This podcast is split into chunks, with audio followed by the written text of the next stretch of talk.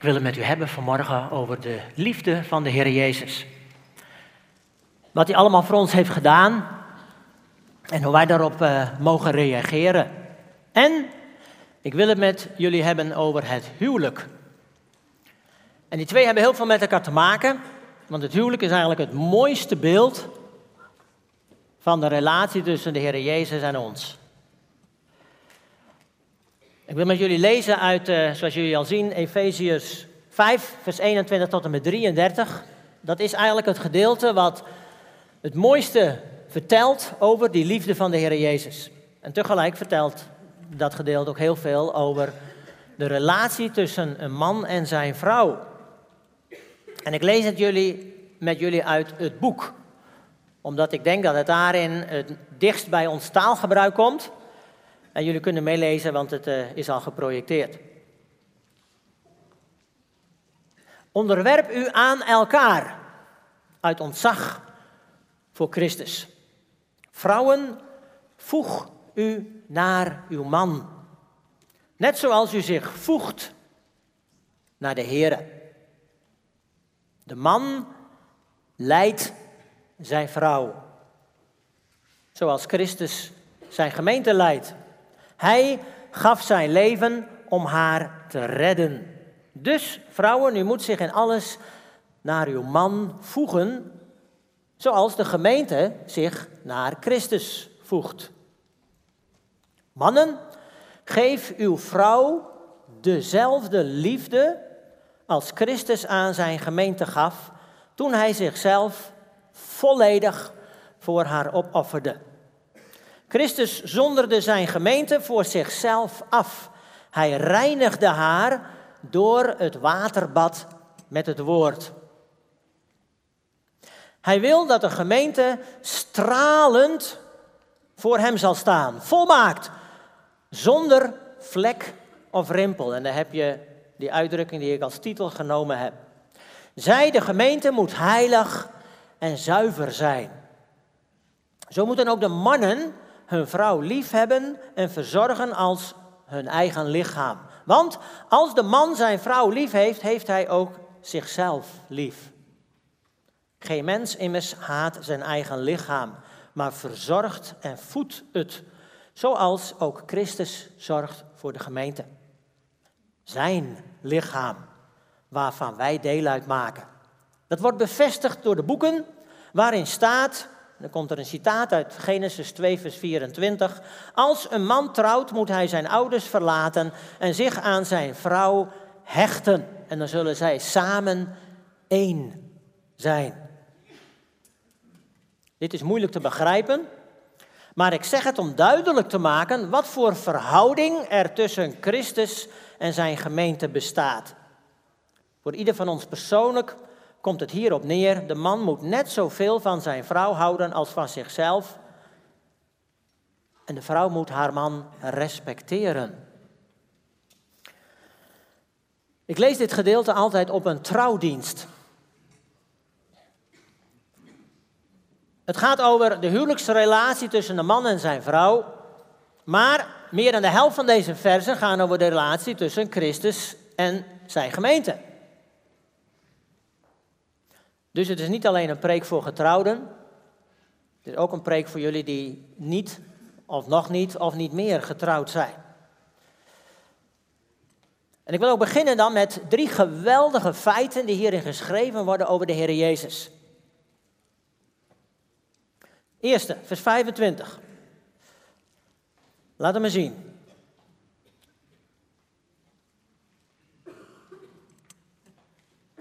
Klik maar door. Dat is alles tegelijk. Kun je het ook regel voor regel laten zien? Vers 25. Als je de Bijbel open hebt, dan zie je dat daar wel. Het is de bovenste regel. Christus gaf liefde aan zijn gemeente toen hij zichzelf volledig voor haar opofferde. Dat is het mooiste wat de Heer Jezus voor ons gedaan heeft. Namelijk aan het kruis. Daar heeft hij zichzelf volledig voor haar opgeofferd. Daar droeg hij jou en mijn zonden. Al onze tekortkomingen, onze fouten die wij dagelijks hebben, die heeft hij toen gedragen, 2000 jaar geleden. Vers 23, het slot, daar staat het ook. Hij gaf zijn leven om haar te redden. Om jou en mij te redden. Weet je, echte liefde blijkt uit hoeveel je wilt opofferen voor iemand. En dan kijken we naar de Heer Jezus. En hij offerde zich helemaal op. Het tweede wat de Heer Jezus deed, wat hierin benadrukt wordt, is vers 26, de tweede regel. Christus zonderde zijn gemeente voor zichzelf af. Hij reinigde haar door het waterbad met het woord. Letterlijk staat er, hij heiligde haar. En heiligen betekent dat hij ons apart zette. Dat we alleen van hem zijn. Zodat we helemaal voor hem zouden leven. En daardoor was het nodig, daarvoor was het nodig dat hij ons innerlijk schoonmaakte. Vandaar dat erachter ook staat, hij reinigde haar door het waterbad met het woord. We zijn schoongewassen door het woord van God. En het woord van God, dat is de Heer Jezus natuurlijk. Hij is het woord. De doop is daar een prachtig beeld van, wat jullie over een paar weken weer mogen beleven. Bij ons in Drachten is vanmorgen doopdienst, twee doopdiensten waar ik helaas niet bij kan zijn, want ik moet hier zijn. Maar het is een schitterend beeld van het schoonwassen van ons innerlijk. De doop is maar water wat aan de buitenkant blijft. Maar je laat je niet dopen om je te wassen, maar om te laten zien dat je binnenkant gewassen is. En dat heeft de Heer Jezus gedaan. Door zijn woord zijn we van binnen gewassen, schoongemaakt, vergeven, geheiligd. Niet alleen gereinigd, maar ook geheiligd, apart gezet voor Hem, om voor Hem te leven. Als je trouwt, dan doe je dat ook. Dan beloof je trouw aan elkaar, dan ben je geheiligd voor elkaar. Je bent apart gezet voor elkaar, om voor elkaar te leven.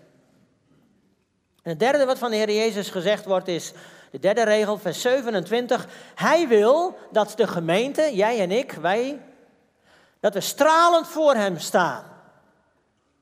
Volmaakt, zonder vlek of rimpel. Zij, de gemeente, moet heilig en zuiver zijn. dan wordt het beeld gebruikt van een bruid. Een bruid die klaargemaakt is voor de huwelijksdag. Paulus gebruikt hetzelfde beeld in 2 Korinthe 11 vers 2, waar staat, ik wil u als een reine maagd voor Christus stellen. Het beeld van een bruid die rein, heilig, apart gezet voor de Heer Jezus is. Dit zijn de mooiste dingen die over de Heer Jezus gezegd worden in het woord van God. En ze staan hier prachtig bij elkaar. Maar daarmee zitten we gelijk in het beeld van het huwelijk. Is een huwelijk zonder vlek of rimpel? Nou, ik zou bijna willen zeggen, wie van jullie een huwelijk zonder vlek of rimpel heeft, ga maar staan. Of misschien mag je er wel uitgaan, want dan heb ik je eigenlijk niks meer te vertellen. Elk huwelijk is wel iets. Want wij zijn niet volmaakt. En ook in onze relaties zijn wij niet volmaakt. Maar wat hier gezegd wordt over onze relaties met elkaar, dat begint al bij dat eerste vers, vers 21, wat ik gelezen heb. Onderwerp u aan elkaar uit ontzag voor Christus. En dat woord, daar hebben we moeite mee, onderwerpen. Dat heeft bij ons een negatieve bijklank. Maar vanuit die houding praat Paulus in deze brief over onze relatie naar de Heer Jezus toe. En als, als hij zegt van onderwerp je aan de Heer Jezus, daar hebben we geen moeite mee. Zeggen we ja natuurlijk, dat doen we wel niet helemaal goed. Dat, dat, daar missen we de boot nog wel eens in, daar hebben we wel eens misstappen in. Maar toch, we onderwerpen ons aan de Heer Jezus. En zegt de Heer Jezus, hoe wil je dat doen? Dan beginnen we met vers 21, onderwerp je aan elkaar uit ontzag voor Christus. Dat is al een heel belangrijk startpunt. En dan beginnen de kriebels bij ons al te komen. Hè? Ja. En dan gaat hij het invullen. En dan komt de grootste opdracht voor een man en zijn vrouw. Je ziet het vers 25. Hier is de blauwe lijn. Opdracht van de man naar zijn vrouw is om haar lief te hebben.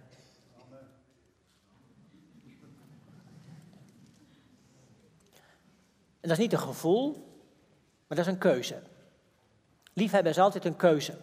Verliefdheid is een gevoel. Elke relatie begint, bijna elke relatie begint met verliefdheid. Verliefdheid zijn van die kriebeltjes in je buik. En verliefdheid is heel leuk, maar gaat weer over. Echt waar. En gevoelens van verliefdheid die gaan op en neer. Die heb je wel eens voor je partner, ik hoop vaak, maar niet altijd. Maar liefde is geen gevoel. Liefde is een keuze, is een daad die je stelt. Zijn daden die je stelt. Dat doe je. Je kiest ervoor om de ander lief te hebben. En de woorden die gebruikt worden in het Nieuwe Testament voor dit soort liefde, agape, dat wil ook zeggen dat is liefde die zichzelf geeft aan de ander. Niet zo van ik doe iets voor jou als jij iets voor mij doet. Ik wil jou lief hebben als jij mij lief hebt. Nee, deze liefde is een liefde die zichzelf geeft, zelfs als je niets terugkrijgt. Die offert zichzelf op. Dat wil zeggen, mannen en broeders, dat de Heer Jezus ons oproept om ons in te zetten voor onze vrouw. Om haar te beschermen, zodat zij zich bij jou veilig voelt. Zodat zij zich geliefd weet. En hoe kom je er nou achter of je dit als man genoeg doet? Nou, heel eenvoudig. Vraag het aan je vrouw. Vraag haar regelmatig van, voel jij je veilig bij mij? Wat kan ik nog meer doen zodat jij je beschermd weet bij mij? Hier gaat er heel veel al fout in een relatie, want wij mannen, wij stellen vaak onszelf centraal. En we denken vaak niet zo gauw. En we kunnen niet allerlei dingen tegelijk denken, zoals vrouwen wel kunnen. En als we ons richten op ons ding, op onze werken, op onze hobby, of waar je ook maar mee bezig bent, dan vergeten we vaak, oh ja, wacht even. Ik mag me ook nog helemaal inzetten voor mijn vrouw. Ja. Je vrouw liefhebben wil zeggen, zorgen dat het goed met haar gaat, voor zover jij dat natuurlijk kunt bewerken. Er voor je vrouw zijn, haar de ruimte geven, zodat zij zich kan ontwikkelen tot die vrouw die God van haar wil maken. Dat is een prachtige uitdaging. Jouw vrouw liefhebben wil zeggen, is dat je een paraplu voor haar bent. De paraplu die haar beschermt. Niet die haar beknot, maar die haar ruimte geeft. Eigenlijk is dat dus heel kwetsbaar als man. Wil jij zo'n man zijn?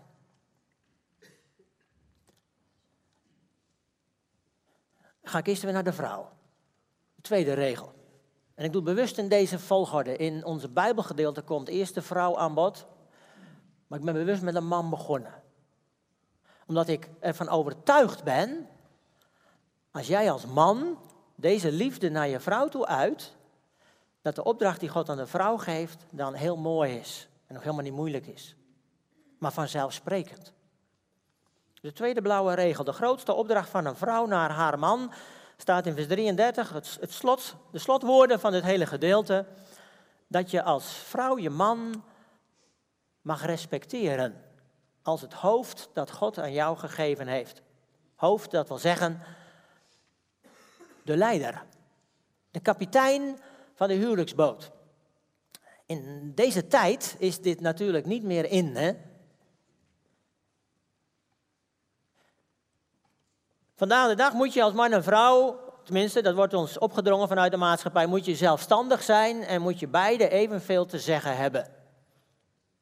Eigenlijk is dat een plaatje van twee kapiteins op één schip. Nou, en je kunt wel raden wat er dan gebeurt. Als je twee kapiteins op één schip hebt, dat gaat 9 van de 10 keer goed, maar die ene keer gaat het ook goed fout. Als de ene kapitein zegt we gaan die kant op en de andere kapitein zegt we gaan die kant op, ja, wat dan? De Heer had het voorzien en daarom heeft hij besloten in zijn almachtige genade en wijsheid, ik stel de man aan als het hoofd van het huwelijk. En hij is de kapitein. Hij is de eindverantwoordelijke. En dat werkt alleen maar als degene over wie hij eindverantwoordelijk is, hem ook die ruimte geeft. Respecteert in die positie die God hem geeft. Vandaar dat dat dan ook de hoofdopdracht van de vrouw is. Dat de vrouw haar man mag stimuleren om de leiding te nemen. Want wij mannen weten dat niet precies hoor. Wij maken daarin altijd weer fouten in het leiding nemen, toch?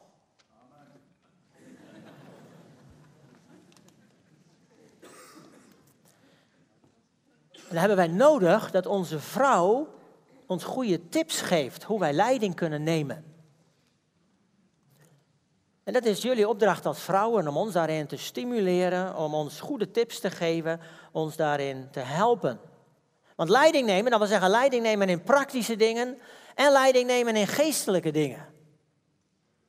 En de een kan dat beter en dat is voor ons allemaal best wel moeilijk. En als je als vrouw je bewust stelt onder de leiding van je man, dan kun je ons daarin helpen. Dat is niet meer van deze tijd. Maar ja, het staat er wel. En God weet ook dat je hiermee het beste van je huwelijk kunt maken. Toen wij trouwden, Jook en ik, dat is bijna 40 jaar geleden, toen wisten we helemaal niets van deze principes. We waren net een paar maanden getrouwd en toen kochten we het eerste boekje over dit onderwerp. Dat, ik weet het nog precies, het was Het Christelijk Huwelijk, heette dat, van Larry Christensen. Een afschuwelijk boek. Dat vonden wij. En vooral mijn vrouw vond dat. Ik denk ook dat hij het niet heel, heel, heel tactvol heeft gebracht in de boekjes. Zijn volgende boekje, dat vond ik veel mooier, vonden wij veel mooier. Maar toch, dat boekje leerde ons wel de principes uit met name dit hoofdstuk.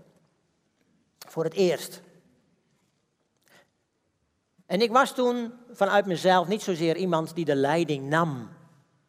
En mijn vrouw was iemand die vanuit nature de leiding wel neemt. Dat heeft met je karakter te maken. Met de persoon die je bent.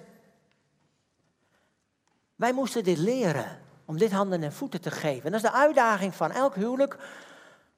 Om dit handen en voeten te geven samen. Hoe ga je dat invullen in jouw relatie, in jullie relatie? Daar moet je over praten, want dat gaat niet vanzelf. Hoe gaan we dat doen? Hoe gaan we daar elkaar in bemoedigen, in stimuleren, in aansporen?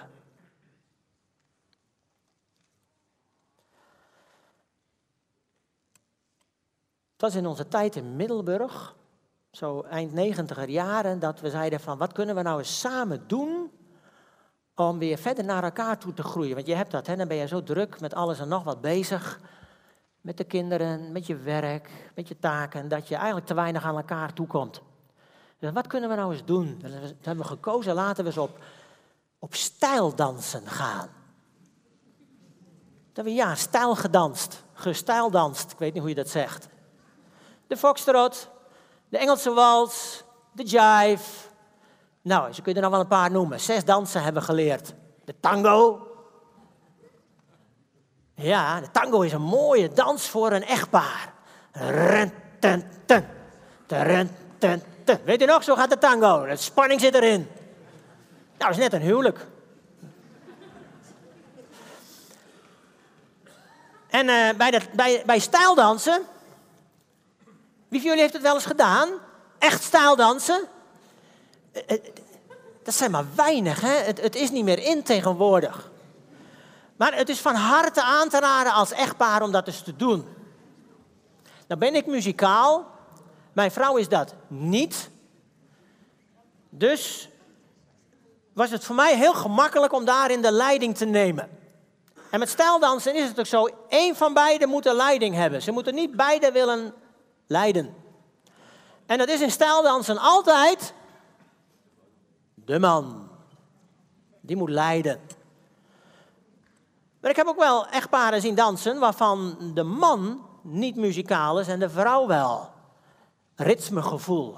Dat helpt bij stijldansen natuurlijk, want je moet op de maat dansen. En deze vrouw, die moest haar man dus ondersteunen om de leiding te nemen.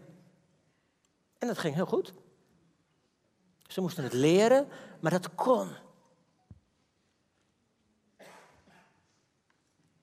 Als je in het dansen niet deze posities inneemt, dat de man de leiding neemt, als ze beide willen leiden, dan gaat het fout.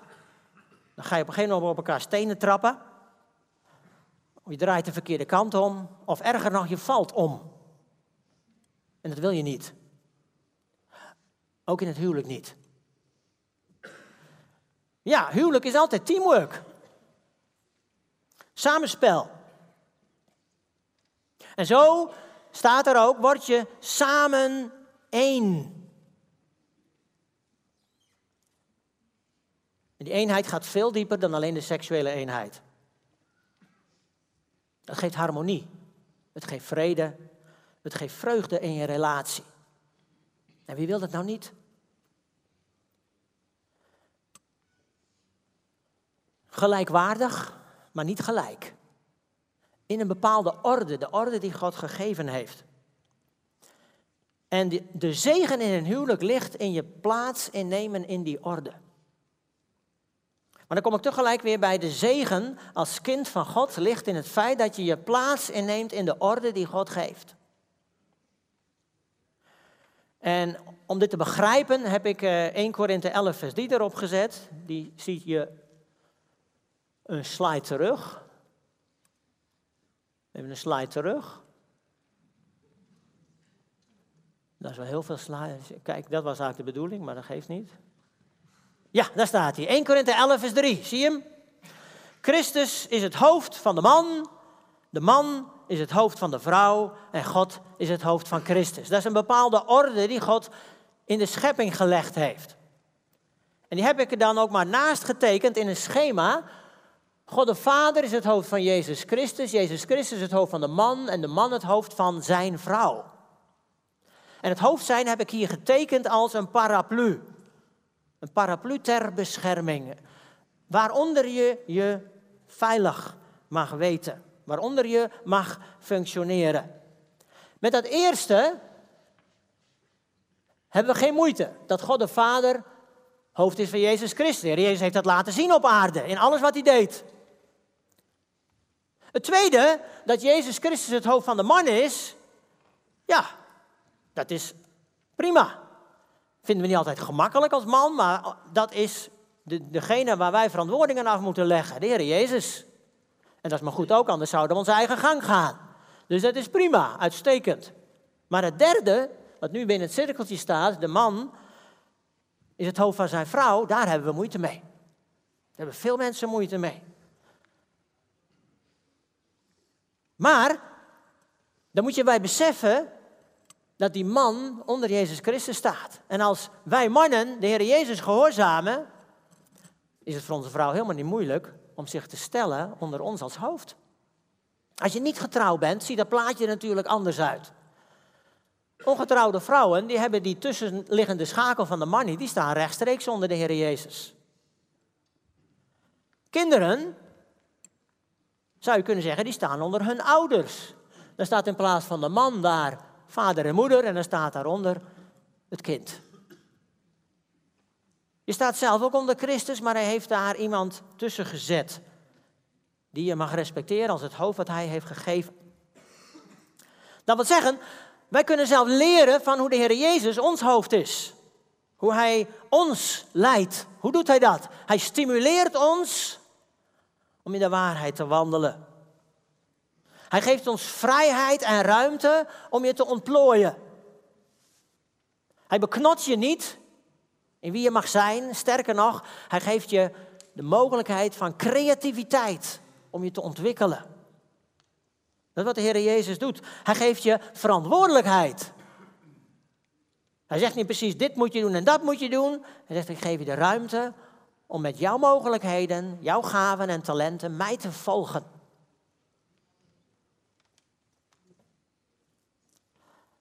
En als de Heer Jezus ons zoveel mogelijkheden en ruimte geeft, waarin Hij ons hoofd wil zijn en ons wil leiden en helpen, dan houdt dat in dat Hij ons de verantwoordelijkheid geeft om elkaar wederzijds te hoogachten.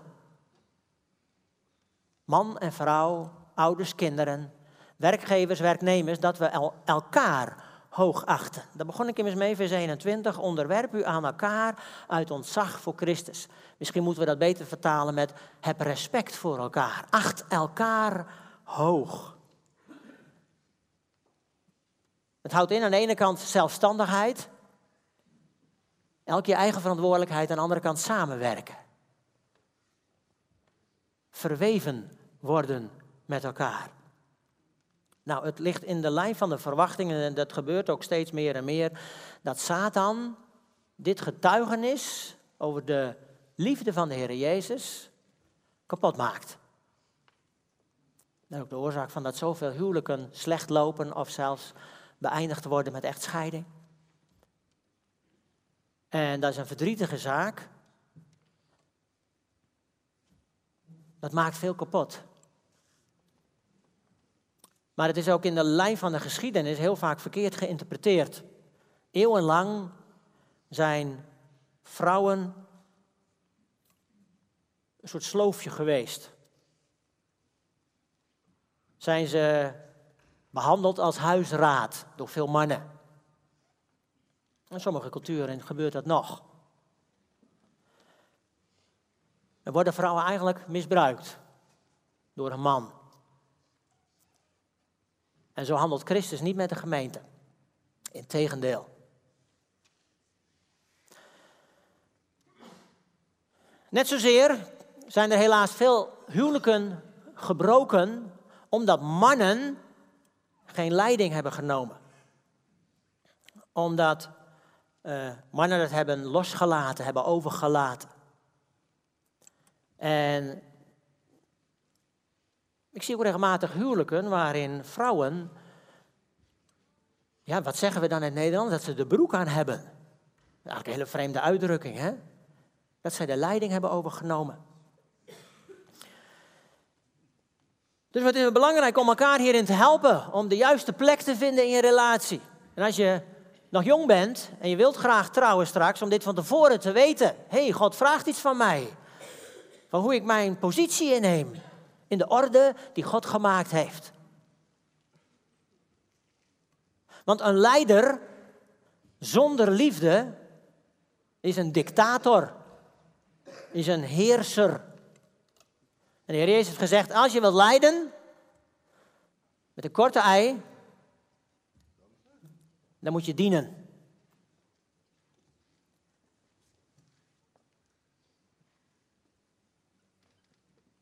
Lijden vanuit liefde geeft harmonie.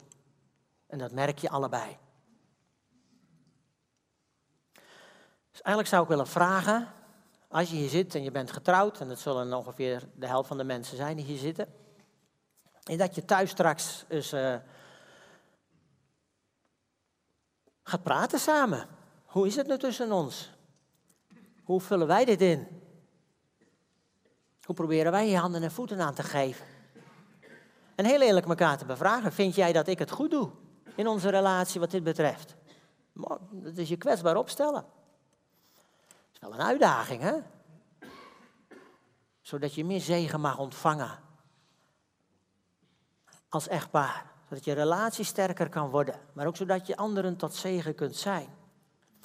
Weet je, wanneer je de Heer Jezus hebt aangenomen als jouw verlosser, dat hij voor jouw zonde gestorven is, dan ben je door God heilig verklaard. 100% heilig verklaard. Daar kunnen we al niet bij met ons verstand, maar dat is de zegen van vergeving. God ziet jou als volmaakt, zonder vlek en rimpel. Bij onszelf zien we nog allemaal vlekjes en rimpeltjes, of grote rimpels. Maar we zijn één met Hem door het waterbad van het woord, hebben we gelezen. Door zijn woorden van eeuwig leven. Dat is wat de Heer Jezus in zijn liefde voor ons gedaan heeft. En dan mag je groeien. Groeien naar de Heer Jezus toe. Steeds meer op Hem gaan lijken. Dat is een proces met vallen en opstaan. Maar één ding is zeker, op een gegeven ogenblik komt de Heer Jezus terug. En dan zal hij ons volmaakt maken. En uh, het is de bedoeling dat wij, als hij terugkomt, dat we hem gaan ontmoeten. En dat het een geweldige ontmoeting wordt van een bruidegom die zijn bruid ontmoet. Daar wordt het mee vergeleken. Dat is eigenlijk het mooiste stuk van, dit, van het hele gedeelte. Dat de Heer Jezus komt om zijn gemeente te halen. Dan gaan we feest vieren. Feest vieren in de hemel. En dat feest dat wordt beschreven in Openbaring 19, vers 7 en 8. Daar staat hij onderaan. Ik heb tenminste een klein stukje van die tekst daarbij uh, opgetypt. Getypt. Maar ik ga u de hele tekst even voorlezen. De bruiloft van het lam is gekomen. En zijn bruid staat klaar. Zij mag zich kleden in zuiver, stralend linnen. Want dit linnen staat voor al het goede dat gedaan is door de heiligen. Vind ik zo'n mooie zin. De bruid, dat zijn wij, dat is de gemeente, dat zijn alle gelovigen. Die bruid ontmoet straks de Heer Jezus. En dan hebben wij in beeldspraak, want het is natuurlijk beeldspraak, hebben we een bruidsjapon aan. De trouwjurk. En die trouwjurk, dat zijn alle goede daden die door ons gedaan zijn. Met andere woorden, hoe meer goede daden we doen voor de Heer Jezus, hoe mooier die trouwjurk wordt. Kun je je voorstellen dat je gaat trouwen en dat je een dag voor je huwelijk zegt, oh ja, dat is waar ook. Morgen ga ik trouwen, ik zie het in mijn agenda staan. Nou, dan moet ik nog maar even een trouwjurk kopen. Dat kun je niet voorstellen, toch? Nee, die trouwjurk die koop je meestal al maanden van tevoren. En dan hangt die in de kast, als die goed op maat gemaakt is. En dan hangt die klaar. En iedere dag dan kijk je even, hangt die er nog? Is die nog wel mooi? Zit er geen vlekje op? En zo leef je toe naar die dag dat je gaat trouwen. Zo wil de Heer Jezus dat we toeleven naar de dag dat we Hem ontmoeten. En dat toeleven naar die dag, dat is dus hoe wij leven. Dat zijn de daden die we doen, de goede daden die we doen. En weet je, de goede daden die je doet, die doe je met name naar mensen die het dichtst bij jou in de buurt zijn. Daar laat je zien dat je de Heer Jezus volgt. En dat is in de eerste plaats, als je getrouwd bent, je eigen man, je eigen vrouw. In het gezin zijn dat de kinderen en de ouders. De mensen die het dichtst bij je zijn. Daar mag je aan laten zien dat je toeleeft naar de ontmoeting met de Heer Jezus. Zonder vlek of rimpel. Nou, we hebben nog even. Volgende week is het weer Advent. Eerst Advent en dan leven we weer toe naar de verwachting van de komst van de Heer Jezus. Met kerst, maar ook straks. En ik hoop dat de Heer Jezus ons allemaal stuk voor stuk mag leren de komende tijd.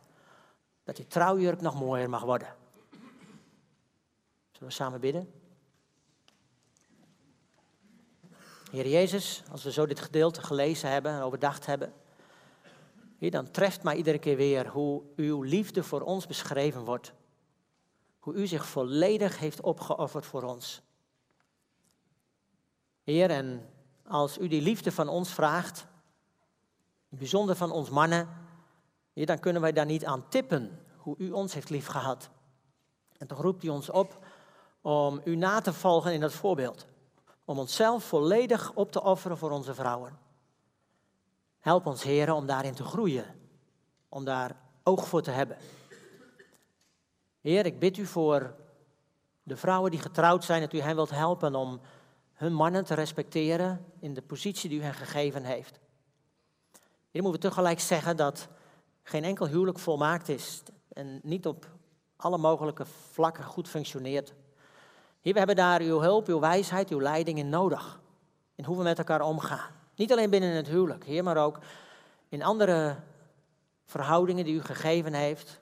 Als ouders met kinderen, als werkgevers, werknemers.